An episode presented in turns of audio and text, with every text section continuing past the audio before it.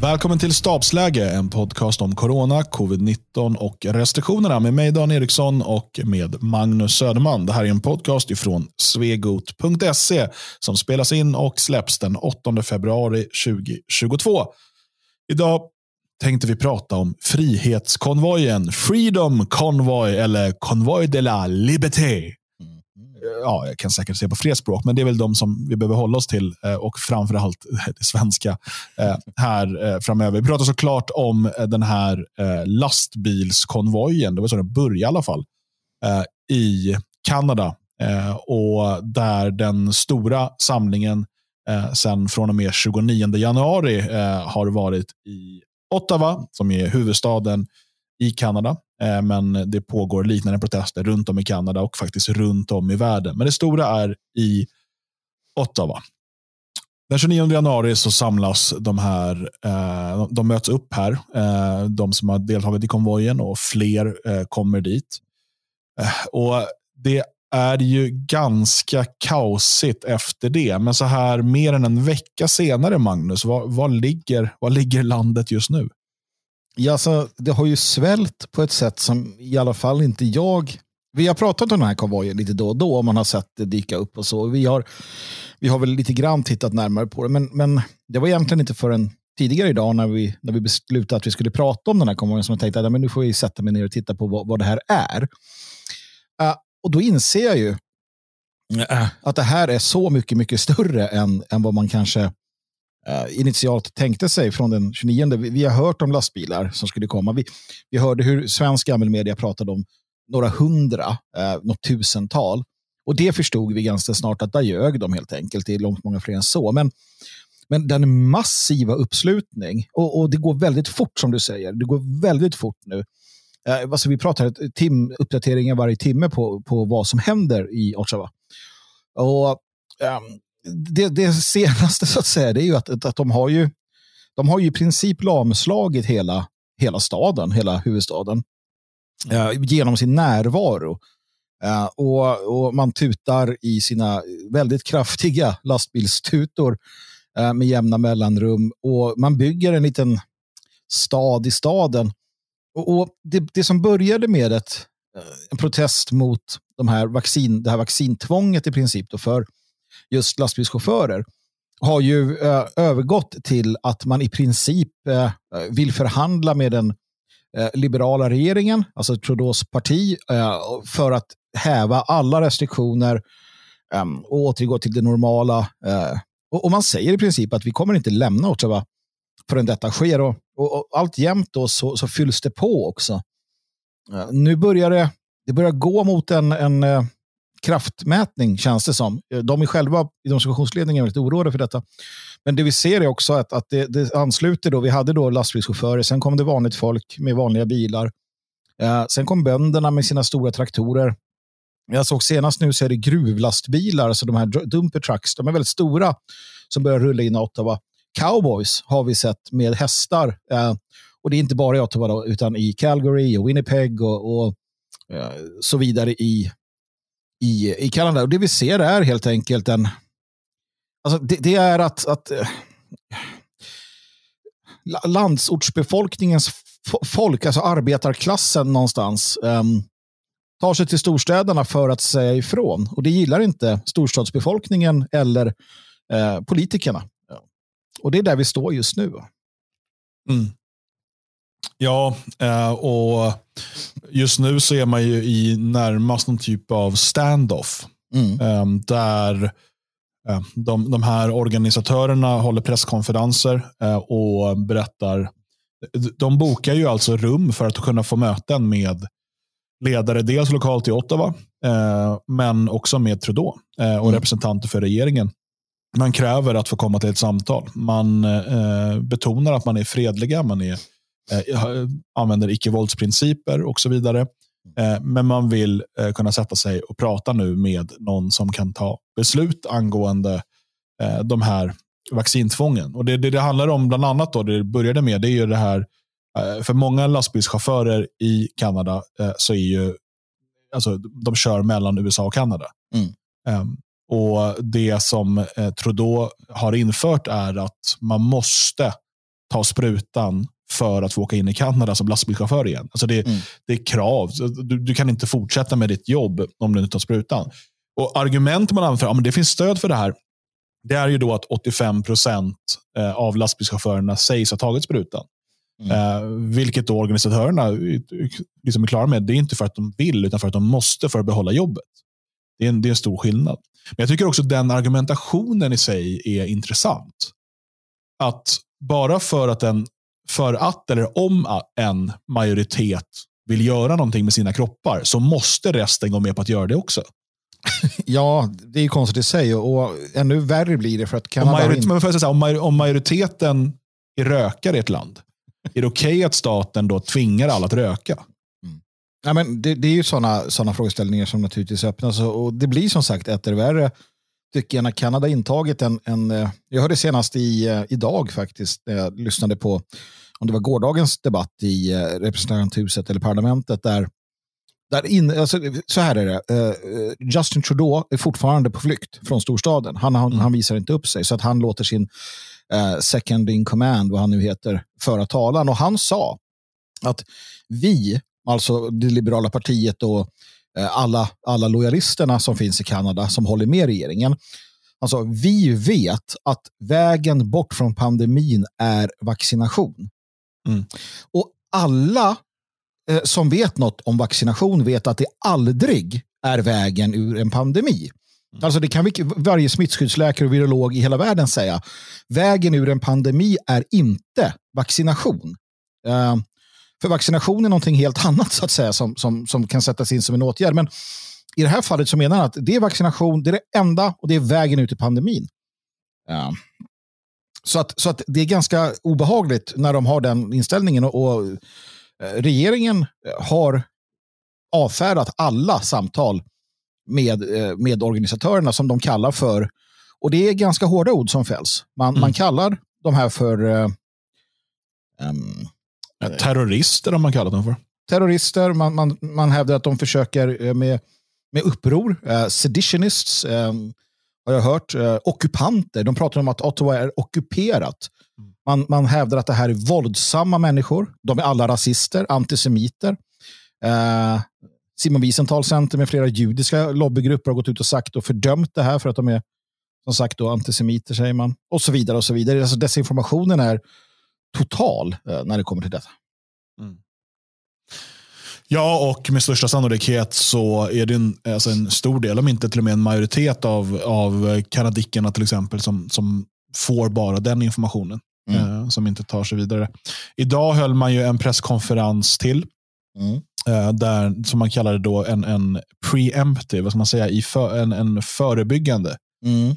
eh, SOS-presskonferens. Eh, man eh, har fått tydliga indikationer på att eh, polisnärvaron runt omkring stan har ökat mm. något oerhört. Och eh, man menar att eh, man berättar redan nu och, och uppmanar folk att komma till Ottawa om de har möjlighet för att ja, det som förmodligen är signalen på att man kommer försöka storma eh, de här demonstranterna och, och gripa dem och så där. Det är väl en, någon typ av media blackout och att mobiler slutar fungera och så vidare. Mm. och Det där har man sett tidigare eh, vid andra sådana här situationer. Så man höll den här presskonferensen redan nu och återupprepade då sina krav på att få eh, komma till ett samtal med, med ansvariga, eh, till exempel då Trudeau som, som gömmer sig. Mm. Men eh, där eh, de här organisatörerna, de har ju också aktivt eh, haft en dialog och kontakt med till exempel polisen i Ottawa. Mm. Mm. Men det går inget vidare med det nu. Utan nu polisen verkar ha fått order om att avbryta det och istället ha en mer aggressiv eh, ton. Ja, alltså in, initialt så, och jag har sett klipp på det också, då pratar man med lokala polismän på stan och så här och det, det resoneras kring den här protesten och polisen ger tummen upp och säger att Nej, men det är bra, det här är demokrati och det är inte svårare än så. Eh, man har haft jättebra kontakter med, med polisen och det säger arrangören också upprepande gånger att, att det har inte varit något problem. Så sätt. Det har varit en del stök. Det var någon, någon i, precis i början där så var det någon, någon, fest man hade eller hur det var. Det var väl lite löst folk som, som betedde sig lite illa, klottra på lite statyer och sånt där som, som sedermera då huvuddelen av, av de som protesterar var med och städade upp dagen efter och sen dess har det inte varit någonting. Va? Ja, och, och, det är i princip det. det. det. man kan se är också att 90 procent, eh, 90 procent, så mycket har brottsligheten något har sjunkit med sen process, den här, den här um, eh, protesten inleddes. Va? Uh, och polisen har intygat vid flera tillfällen uh, efter den här initiala uh, debaclet kan man väl säga att, att det finns inga som helst problem. Alltså det finns inga våldsamheter. Um, det, har inte, det har inte varit någonting. Alltså, tänk, tänk jämförelsen när BLM har haft sina demonstrationer eller valfri vänsterorganisation. Hur det har sett ut. Men här har du då vuxna arbetarklassens hjältar i princip med sina stora lastbilar och det händer ingenting. Men det här har som sagt förändrats. Eh, det man har rapporterat om är att eh, polisen har, har det har kommit in en annan polis, eller ny polis. Eh. Jag misstänker väl att antingen är det federala poliser om man har det i, i Kanada, det tror jag man har, som man sätter in eller, eller så att säga skeppar in poliser från andra orter. De eh, har dragit på sig sina kravall, eh, kravallskydd och vid ett tillfälle häromdagen när man slog till mot, för att det är nämligen som så att man har byggt upp då hubbar. Eh, demonstranterna har byggt upp olika hubbar där man kan få mat och, och dryck och drivmedel och sådär. Man attackerade en mindre sån här eh, central. Alltså polisen gjorde det. Då hade man postat ut eh, eh krypskyttar på taken, man hade drönar, drönare som hovrade och det, man slog till då ganska hårt med, med kravallutrustad polis. Så det här har man då sett Eh, ökar, som du sa där, eh, Dan, att man, man ser hur de, helt enkelt den federala regeringen drar ihop trupper. trupper man samlar eh, trupper runt omkring Ottawa och, och eh, enligt uppgift har man alltså uppfört en, eh, någon form av pr processeringscentral, alltså en, en större eh, facilitet där man ska kunna då processa hundratals, tusentals människor um, i, i händer det så att man då griper helt enkelt och för bort de här. Och det är väl det man nu är jätterädd för. Eh, att det kommer ske eh, här inom några dagar i värsta fall. För att eh, med, vad heter det, uh, mayor, det heter borgmästaren i Ottawa, mm. har ju infört då nöd, uh, undantagstillstånd. Uh, också då i, i skenet av detta. För att uh, truckersarna hade satt upp uh, hoppborgar till barn och liknande, sa han. Det var fruktansvärt att se hur, hur, hur det här hade utvecklats. Det är helt bisarrt alltså. Helt bisarrt. Mm. Um, och som vanligt då, vänstern står ju här på maktens och det stora finanskapitalets sida, mm. uh, som de har gjort i stort sett i varje konflikt de senaste hundra åren. Mm. Um, och man, Det är ganska intressant att följa liksom Twitter och sådär från, från Kanada-vänstern. Uh, de menar att det här är en, en eh, USA-finansierad fascistkupp. Um, och att det här är då de, de, det vita, um, säger man, white supremacists, vita, vita rasister um, med stöd från då Republikanerna och Donald Trump som försöker att göra en, stats, en fascistisk statskupp. Eh, de misslyckades med Kapitolium och nu försöker de i Kanada. och sådär. Det är liksom, mm. och Vi har ju även sett hur då um, den här attacken i, var det i Winnipeg? Mm, I Winnipeg var det. Uh, där en, en AF-aktivist uh, kör in uh, i en folkmassa och skadar fyra demonstranter. ett försök att, att mörda um, de här människorna som protesterar mot um, vaccintvång.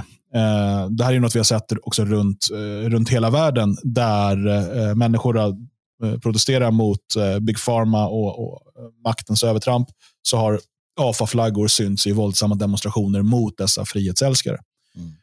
Det, det, det gäller att ha klart för sig här. Och jag, det jag tycker är en intressant sak, bara, eh, vi ska komma tillbaka till just den här eh, frihetskonvojen, men det måste också vara klart och tydligt nu.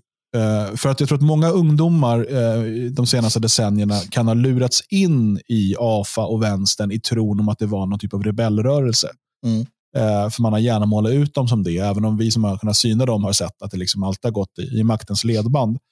Um, men det är väldigt tydligt här vilka som står upp för individens och, och familjens frihet gentemot eh, förtryck eh, och, och, tyranni eh, och vilka som bara är liksom medlöpare åt systemet. Mm. Um, jag, jag, jag, tror och hoppas att det här också kommer göra eh, AFA-rörelserna eh, mindre attraktiva för en rebellisk ungdom. Ja, tittar man på det så, vad är det för människor de har? Verkar som, det, det har ju varit en del uppmärksammade händelser. Vi hade i USA, eh, när, eh, i, i Kenosha, när, när eh, flera av de två stycken blev skjutna. Och, och, det man kunde se efteråt var ju, efter att de hade attackerat en person då, eh, som sköt i självförsvar. Han är frikänd på, på alla punkter. Men, men, då kunde man se att de var kriminella. Eh, de var eh, tidigare arresterade för sexuella övergrepp mot barn, tror jag till och med, i något fall. och sådär. Och nu, nu har vi den här i, i Winnipeg då, och det är, den som är misstänkt det är en David Alexander Zagerak. Han är tidigare, eller fortfarande kanske då, frontman för ett eh, antifascistiskt punkband som heter Brat Attack.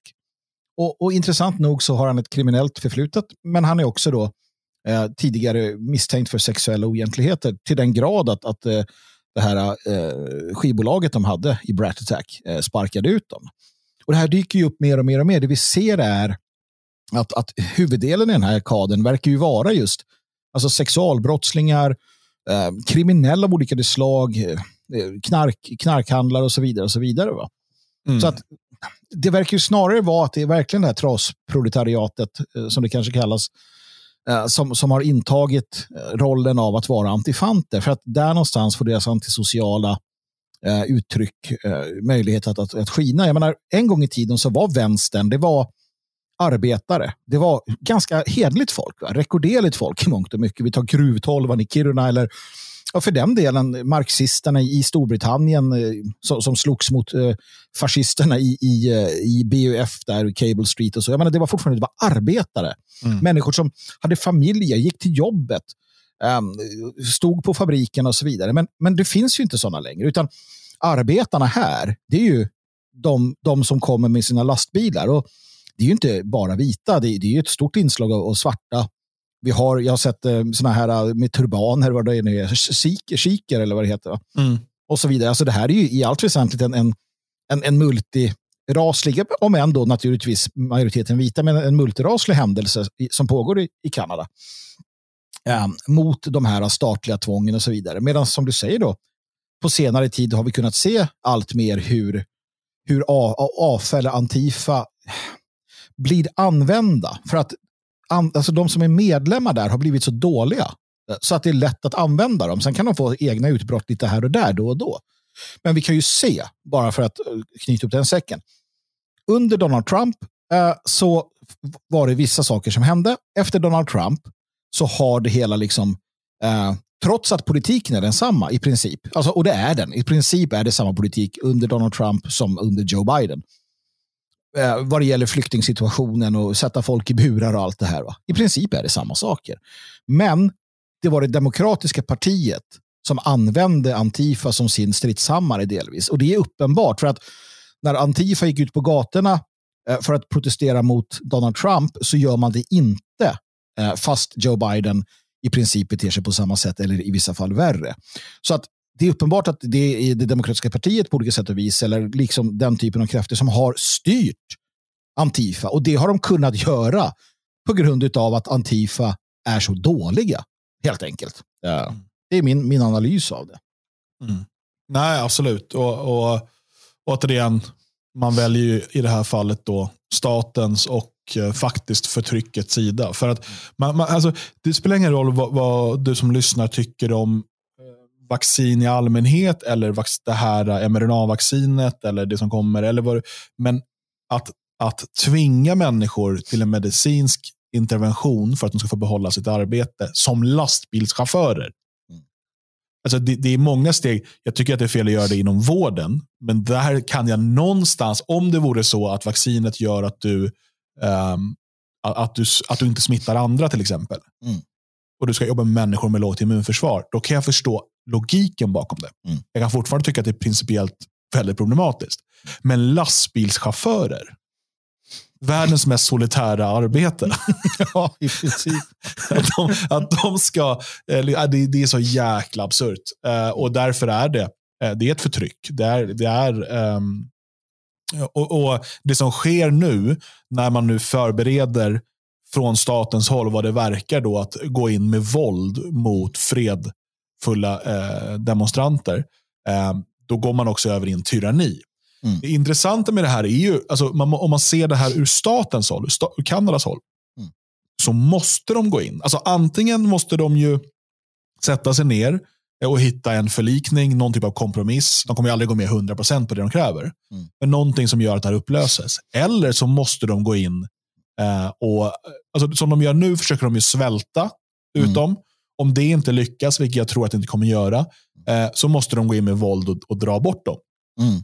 Uh, och Det har ju sina egna problem. Lastbilar och sådär är inte superlätta att flytta på. Uh, men men då, och då har man ju gått över i en tyranni. Och jag, jag, jag förstår ju det ur statens... Alltså, staten måste också upprätthålla sitt våldsmonopol visa vem är det som bestämmer etc. Uh, de har också hårt press på sig från de som är för de här vaccinmandaten. Mm. Eh, och de har stor press på sig liksom från, från det internationella samfundet. Eh, du nämnde diverse lobbygrupper och annat liksom, som, som vill ha bort de här. Eh, de här rösterna ska inte få, få höras här. Och man, man, kan ju då sitta lite fisförnämt och tycka att ja, men varför håller de på liksom tutar och stör folk och de blockerar gator. Det blir jobbigt med trafiken. och och allt så här. Det är, ju, det är ju så här enkelt. De här människorna har inga andra alternativ. Mm. De har debatterat på nätet. De har skrivit insändare. De har, du vet, det, är inte, det, det har aldrig fått den uppmärksamheten som det här får. Och Plötsligt så kan de liksom få möjlighet att diskutera frågan. Nu vill de få till ett möte med, med de styrande. Och, och staten sitter här i, i en, äh, i en knivig sits. Och Det som förmodligen kommer hända är ju att man börjar gå in och gripa folk. Mm. Och När man gör det, då hamnar vi i vad jag skulle kalla ett, ett propagandakrig. Mm. Vilka bilder kommer spridas? Vilka berättelser kommer berättas? Mm. Det här kommer vara ännu ett djupt sår i eh, våra samhällen som redan är så oerhört polariserade. För att, som vi har pratat om i så många andra sammanhang, människor har helt olika verklighetsberättelser. Vi som eh, sympatiserar med de här demonstranterna, vi som följer dem, eh, deras egna eh, berättelser, och så här, vi kommer kunna berätta en historia om förtryck, en historia om tyranni, en historia om övervåld, en historia om eh, hur, hur liksom den, den lilla människan inte har någon möjlighet att sätta sig upp mot, mot den stora staten. Medan de som följer gammelmedia och som antingen inte bryr sig eller är för vaccintvång och så vidare eh, kommer prata om terrorister, om, om eh, rasister som, som eh, liksom ockuperade stan och sen så vart det ordning och reda. Och Det är två helt olika berättelser om samma händelse. Ja, men så är det. Um, och, och, ja, vi får väl se hur det slutar med den saken. Jag förstår också varför man från den federala regeringen är oroad. Det börjar sina på hyllorna i Kanada, har vi kunnat se. Det kommer rapporter från... Just den biten har jag inte ens tänkt på. De Precis. kan inte jobba nu. Nej, det, det, ja, eh, det finns ju naturligtvis svartfötter bland, bland chaffisarna som jobbar, såklart. Eh, som inte är solidariska och inte ställer upp. Um, som inte har hörsammat uh, Workers of the World Unite. Uh, Eh, slagordet. Va? Nej, men, eh, så att, så att, men, men det, har, det, har, det är kännbart. Det kommer också rapporter om, man ser det då och då tomma hyllor, eh, mat som inte kommer fram och så vidare. Och Det som är spännande här också, som, som är en, en annan aspekt av det, ehm, som vi bör och måste beröra, det är eh, den stora, stora skillnaden här mellan landsbygd och storstad. För som du sa, Dan, i Ottawa, i Calgary, i, i alla, de, alla de städer som, som finns i princip, tror jag, i alltså storstäderna i Kanada då har Justin Trudeau ett grundmurat förtroende. Han är älskad. Eh, han är eh, förstådd. Han är uppskattad. Bland den här uh, homo homo liksom, vad heter det? Homo... Globohomo. Globohomo människan, alltså storstadsmänniskan. det här har vi pratat om många gånger. Att egentligen, skillnaden mellan en, en New York-bo och en, en, en Stockholmsbo, alltså när vi pratar vissa segment, det, det finns ingen skillnad. Det är en ny ras som har uppstått på vår jord och det är storstadsmänniskan. Homo urbanis. Homo urbanis, ja.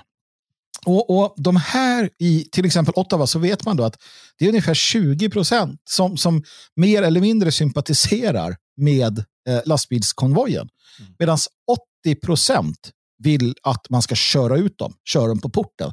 Det är en överväldigande majoritet som vill ha bort de här jobbiga, vita, sluskiga arbetarna från sina städer. Så att när, när den federala regeringen som lever i sin bubbla ska fatta beslut nu hur de går vidare, då känner ju de ett grundmurat stöd för att sätta in eh, vilka åtgärder som helst i princip. Men i den andra delen av eh, Kanada, den stora delen, landsbygden, där är det en helt annan värld. Eh, och det är ju därför vi har kunnat se när lastbilarna med, eh, med riktning eh, Ottawa till exempel, hur de har mötts i princip alltså eh, vid varje vägbro, vid varje liten stad, vid varje sån här eh, liksom, uh, vägkorsning så har det stått människor med kanadensiska flaggor mm. och, och hejat på. Mm. Och det är berättelsen från, liksom, uh, ja, för att låta som Ebba Busch Thor, från hjärtlandet uh, i Gud, Kanada. Jag hatar den svenska jag, jag vet, det är vedervärdigt att man har tagit Heartland. Men i The Heartland, alltså, där har du ett grundmurat stöd för det här. Då. Hur ser det ut i parlamentet då? Ja, det liberala partiet, Justin Trudeau, de är benhårda det finns ingen diskussion med de här terroristerna. Däremot så har vi kunnat se, och det här är lite, det här kan vara lite av en, en sån här, äh, vad heter det, ett, ett, ett, ett ähm, grässtrå, ett höstrå, man, vad heter det när man, man nå, försöker få tag på ett, ja men en liten sån här äh, livlina. Det är att det konservativa partiet eh, konservativa partiets nya eh, partiledare, eller ledare i alla fall, uttalade sig ganska eh, hårt mot Trudeau och ganska positivt om, om protest, protesterna. Mm. Så att det verkar finnas ett gryende politiskt stöd för det här också. Och då är frågan, när orden kommer till polisen, vad gör de då? Och det, det egentligen så kommer allt sluta med hur de väljer att agera.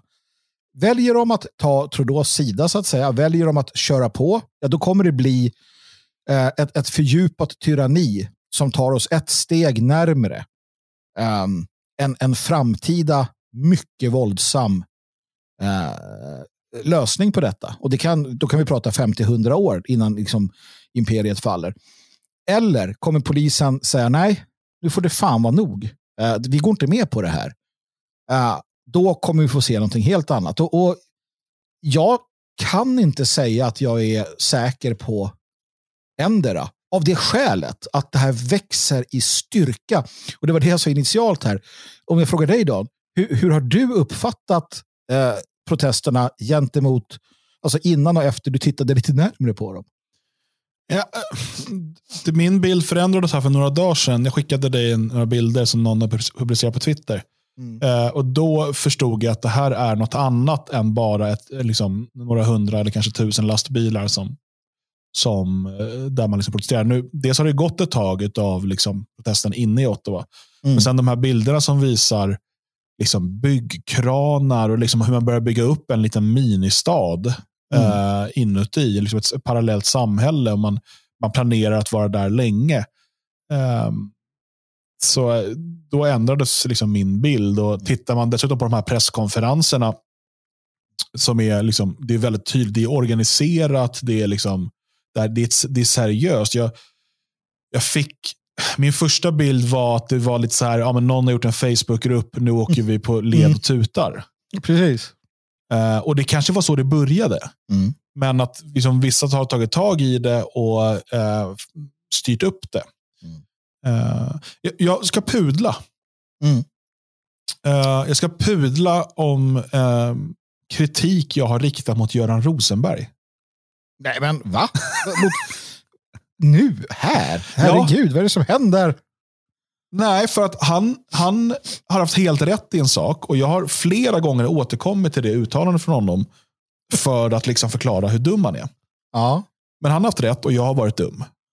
Okej, okay. yes. Och Det är för att när man ser på vissa frågor ur sitt eget perspektiv så kanske man tycker en sak, men ser man ur ett principiellt perspektiv mm så ser man en annan sak. Mm. Um, det är lite det som jag säger här med vaccinerna. Att du själv kan tycka att vacciner är jättebra. Mm. Men principen att alla måste ta vaccinet är en annan fråga. Mm, um, Och Det här är då angående Göran Rosenbergs syn på vad en demokrati är. Mm. Och Nu utgår jag ifrån demokrati, att, att det är något positivt. Vi måste bara, för det är så mm. man pratar om det. Absolut. Och han, eh, det här är från 2018, en krönika av Sveriges Radio. Där eh, han pratar om en SIFO-undersökning att en, en, majoritet i Sverige, en klar majoritet i Sverige vill förbjuda muslimska bönutrop. Mm.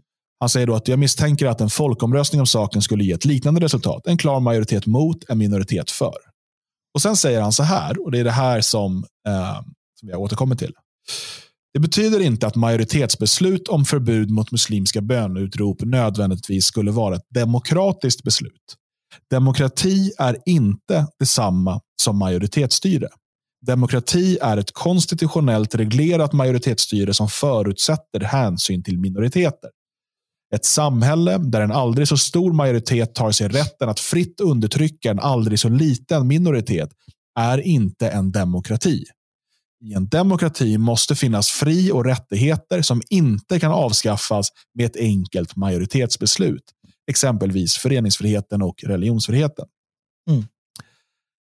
Eh, och jag skriver sen, I den mån muslimska bönutrop kan betraktas som en fråga om religionsfrihet är det inte demokratiskt självklart att de kan förbjudas bara för att majoriteten så vill. Och Jag återkommer till det där att han säger att liksom, demokrati inte är detsamma som majoritetsstyre. Eh, och det här blir, det är ju klart, det blir lite så här definitionsfråga. Vad menar man och sådär. Men det finns en viktig poäng här som han har helt rätt i. Och bara för att jag själv är motståndare till mm. muslimska bönutrop i Sverige så, liksom, så, så, har jag kanske inte sett den större principfrågan här. Men det blir väldigt tydligt i det här fallet. Mm. När man själv är en minoritet så att säga. Just det. Just det. Mm.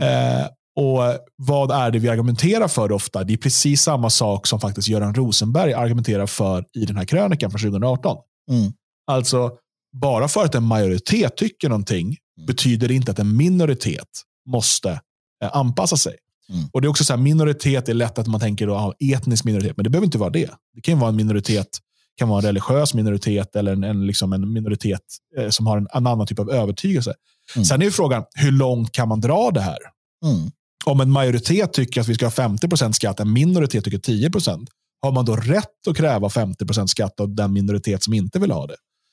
Eh, och Det är det här som regleras i en konstitution eller en grundlag. Mm. Alltså vad får politiken göra? Vilka rättigheter har en individ gentemot staten och så vidare. Och där eh, har vi ju eh, från ehm, liksom de mänskliga rättigheterna och i stort sett varenda grundlag och konstitution i västerländska demokratier att man inte har rätt att påtvinga någon ett medicinskt ingrepp. Det är en mm. del av skyddet för minoriteter. Mm. Oavsett vilken anledning. En del har religiösa anledningar, en del medicinska, en del bara vill inte. Eh, det är liksom egalt. Det här har man ju lyckats då gå runt. Här i Tyskland där jag befinner mig så får man inte heller enligt grundlagen då, eh, tvinga på någon medicinsk behandling. Så att när man pratar nu om vaccinplikten så kommer det inte vara plikt på att vaccinera sig, utan det kommer vara plikt på att ha ett bevis på att man har vaccinerat sig. Mm. På så sätt kan, blir du inte tvingad att vaccinera dig, utan du blir tvingad att ha ett bevis. Och Därmed går man runt grundlagen. Mm. det, det, är såklart ett byråkratiskt trams, men eh, det är ju så man gör. Men det som Rosenberg eh, skriver om här eller, i sin krönika eh, är någonting som man kanske bör titta tillbaka på nu. För här var Rosenberg tidigt ute när det gällde då muslimers rätt att få, få yla från torn. Mm. Uh, men uh, den, här, den här typen av uh, argumentation ser vi inte alls ifrån etablerat håll när det gäller människors rätt att slippa medicinska ingrepp. Nej, Nej jag menar, det, det är ju så väldigt tydligt. Ja, att, att, att förstå hur, hur mycket det här inte handlar om, om eh, folkhälsa eller någonting. Ta, ta, till exempel det, det som då premiärminister eh, Trudeau eh, sa, uppenbart, att han sympatiserade med Black Lives Matter. Mm. Uh, men han tycker att det här är uh, liksom, uh, ockupation och liksom thugs som är ute och härjar. det visar ju bara att, att det handlar inte om liksom, det, det, handlar inte om någonting annat än, än, den egna makten och kontrollen över människor.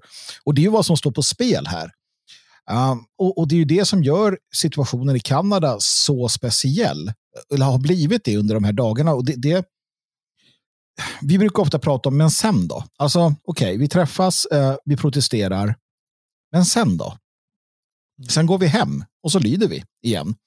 Och det är ju så också som, som politikerna säger att ja, men nu har ni fått, och jag hörde någon, någon om det var Ottawas borgmästare som sa att ja, men nu har ni fått vara här. Nu har ni fått uh, uttrycka er åsikt uh, och nu är det dags att åka hem. Mm. Och, och, Det man säger då är att ja, ni har fått säga att ni är missnöjda. Hem och vaccinera er eller jobba inte. Eller ni har fått säga er åsikt nu, nu och det är ju samma när, när, när nationella har eh, till exempel då protesterat i Sverige. Så att ja, nej, men nu har ni sagt att ni inte gillar mångkultur. Hem och lev i mångkulturen. För vi mm. tänker inte ändra oss. Eh, och där blir det ju i vissa fall, absolut. Man får acceptera då, som du sa, det, det finns en konstruktion, man är överens om vissa saker. att Man får acceptera att bli överkörd av politi politikerna eller de som har majoritetsstyret. Det kan man vara tvungen att göra. Men där någonstans finns det också att, okej, okay, vilka frågor är så pass viktiga? Att man säger, nej, vi går inte hem. Uh, och, och, vem avgör det? Och, då är vi inne på väldigt, väldigt sådär, uh, eh, både hal och svag is. För att det är den som vinner som avgör det. mm. och, och, det blir ju samma här nu. Så frågan är, vad händer nu? Men det som blir också, här eh, kan man ju liksom referera till Gandhi eller vad man vill. Det, det handlar ju också om, om, om uthålligheten.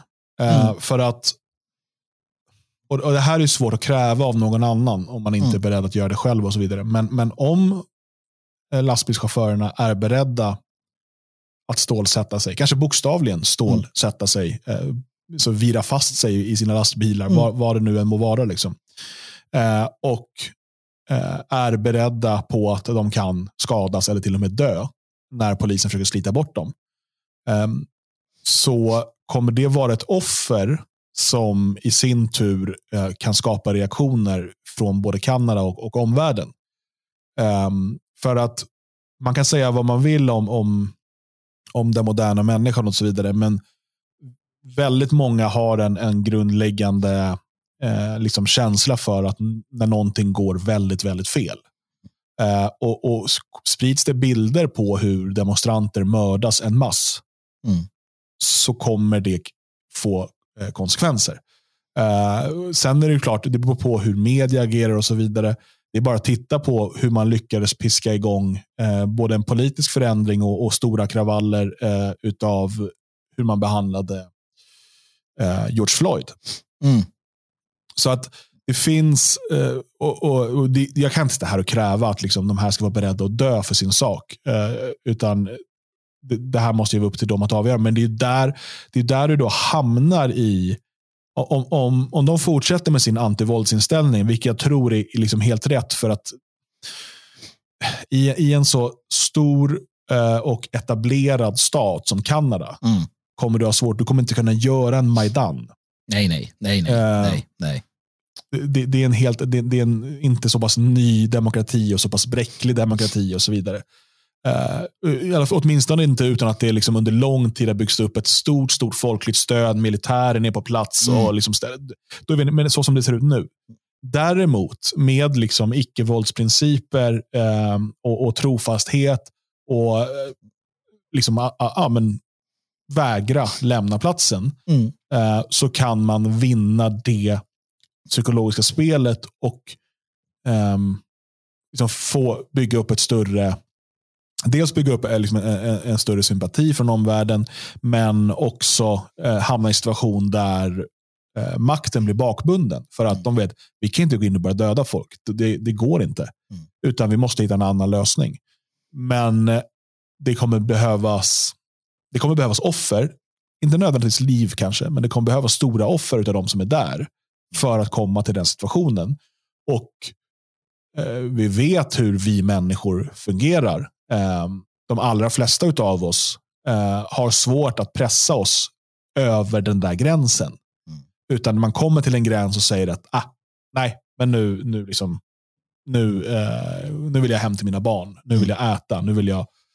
Eh, så att det, det, ska bli väldigt, väldigt spännande att följa. Eh, och, ehm, men man kan ju säga så här, den, den svenska eh, medierapporteringen är ju nästan obefintlig. Ja, ja. Mm. Och om den inte är det så är den förljugen. Och, eh, det, det, finns ju så många saker man skulle kunna ta. Vi skulle kunna ta det här med GoFundMe. Ja, visst, absolut. Som, som samlar in miljontals eh, kronor till Um, alltså via, via GoFundMe som är en typ av insamlingssajt så samlar man in miljontals kronor till, till den här, att det är deras stöd, till stöd för de här. Då. Uh, och efter en uh, liksom påtryckningar och som man säger då, överläggningar mm. med kanadensiska makthavare mm. så väljer man att dels låsa uh, insamlingen och dels säga att man, då ska, man ska ge de här pengarna till insamlingar som man själv tycker som är serious. Mm. Eh, seriösa insamlingar. Um, tydligen har de, de ändrade efter ett tag, om man har rätt att om man skyndar sig så kan man få tillbaka. Istället för att bara automatiskt betala tillbaka alla. Uh, eller då betala det till de som det faktiskt har samlats in till. Mm. Så säger man, ja, nu får ni får några dagar på er att kräva tillbaka. Och, och sen um, och, och, och, och, sen kommer vi ta pengarna och bara ge det till de som vi tycker är bra. Jag, jag, tror att det var så eh, tråkigt för dem själva, GoFundMe. Jag tror att de är placerade i Florida. Ja. Uh, och Jag tror att det var guvernör DeSantis som hotade med uh, att vidta juridiska åtgärder. Uh, ja. Och Ted Cruz har ju också då, övervägt detta gentemot GoFundMe. Så att det, det, det var nog därför de till sist gav med sig. Att de ja. ska betala tillbaka allting. Men det här visar ju återigen, alltså man, man kan inte förlita sig på den här typen av tjänster i ett, i ett läge där du befinner dig i strid med eh, makten. Mm. Eh, det var inga problem, för de hade då, ja, men det har blivit några våldsamheter påstår de. Mm. För det första kan man ifrågasätta det. Men de hade, GoFundMe, det var inga problem att samla in till den här AFA-zonen som upprättades i eh, Seattle, i Shop, uh, shop uh, vad heter den? Va? Shop, chip Shop, shop ja, någonting. något sånt där. Uh, där, där de mördade folk och liksom mm. slog sönder hus och sådär. Mm. där hade ju GoFundMe, där gick det jättebra att samla in pengar till de här anarkisterna. Oh ja. så det, mm. Det, det det har ingenting med det att göra, utan här har det att göra med att den här gången är man mot makten. Eh, och som sagt, AFA och så vidare är maktens eh, fotsoldater. Den, på den, då var de med makten mot mm. Trump och så vidare. Mm. Eh, och då gick det bra. Ehm, och Det som har hänt är ju att nu har man ju börjat använda en krypto, en, en tjänst som påminner om GoFundMe, men som bygger på bitcoin. Mm. Och har samlat in lika mycket pengar igen, mm. Som inte går att stoppa. Nej. Eh, och Det här är så oerhört viktigt för uh, att förstå och varför människor måste lära sig krypto, börja använda krypto och så vidare. Det, det är, jag vet att på Gab, Andrew Tarbar brukar säga free speech money. Mm. Um, det, är, för att inte säga omöjligt, så är det för du, du slår ut ström och sådär. Det, det, det, är en annan sak. Men, men annars är det ju i stort sett omöjligt att stoppa. Mm. Och, och, Man ska aldrig göra sig beroende av de här, alltså av Patreon, eller göra sig beroende av GoFundMe eller, eller Visa. Mm. Um, utan hela tiden uh, lära sig och, och, bygga alternativ som är, som är fria. Mm. Nej men Absolut, och det, det, är väl, det är väl en jätteviktig läxa för alla att ta med sig. Att kan du inte krypto, lär dig krypto du behöver inte hoppa på krypto. Men lär dig, förstå det. Ehm, och, ska, skaffa en plånbok. Det finns ju idag jättelätta sätt att, att göra allt det på. För att, ehm, för att det som händer i, eh, jag menar, vi har sett det i Tyskland, vad som händer där och hur, hur, hur det har utvecklats. Vi har sett det i andra länder. Nu, nu är Kanada Uh, egentligen hade vi haft möjligheten, borde vi skickat dit folk, eh, ett par stycken, för att se på plats, prata och lära. För att det här är också ett, ett, ett paradigmskifte vi ser, som vi lever mitt i. Eh, där, eh, inte, jag ska inte säga vår, alltså den nationella oppositionen, utan snarare en, en, opposition eller en, en kraft för frihet eh, av olika slag. Alltså yttrandefrihet, mötesfrihet, rörelsefrihet, frihet från att slippa statligt tvång. Det finns nationalister i den, men det finns också anarkister och det finns Eh, kristna och det finns muslimer, det finns alla möjliga i den här rörelsen. Mm. Den håller på att formera sig på egentligen en världsvid skala, framförallt i västerlandet. Uh, och, och, det här kommer vi inte, det här är uh, någonstans om jag ska vara lite sådär, det är början, början på slutet.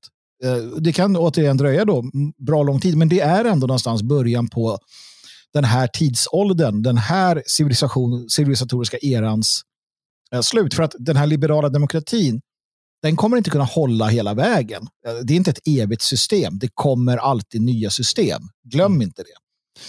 Uh. Nej, och jag bara säga, det här kanske är en separat podd, jag vet inte om det är för stabsläge, men det som jag ser också, det är ju med utvecklingen av internet, med utvecklingen av kryptovalutor och, och så vidare.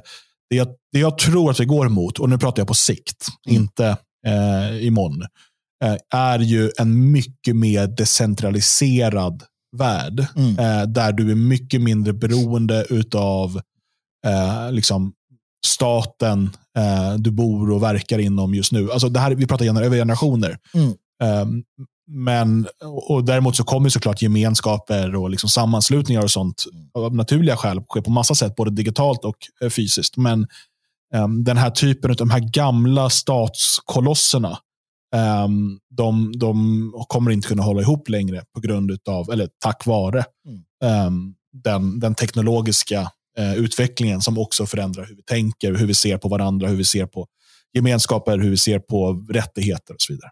Ja, men det är en del av den mänskliga eh, frigörelseprocessen någonstans som, som har pågått eh, bra länge. Va? Men, men, men visst är det så. Och det är det här som den djupa staten eller eliten eller vad du vill, det är det de fruktar. Det är det som de fruktar eftersom att då kan de inte kontrollera själarna. Precis som att, att vissa, vissa kyrkliga eh, riktningar eh, var livrädd för att förlora tolkningsföreträdet. För att då förlorade de själar. Och det är det mm. som händer nu. Trudeau ser det.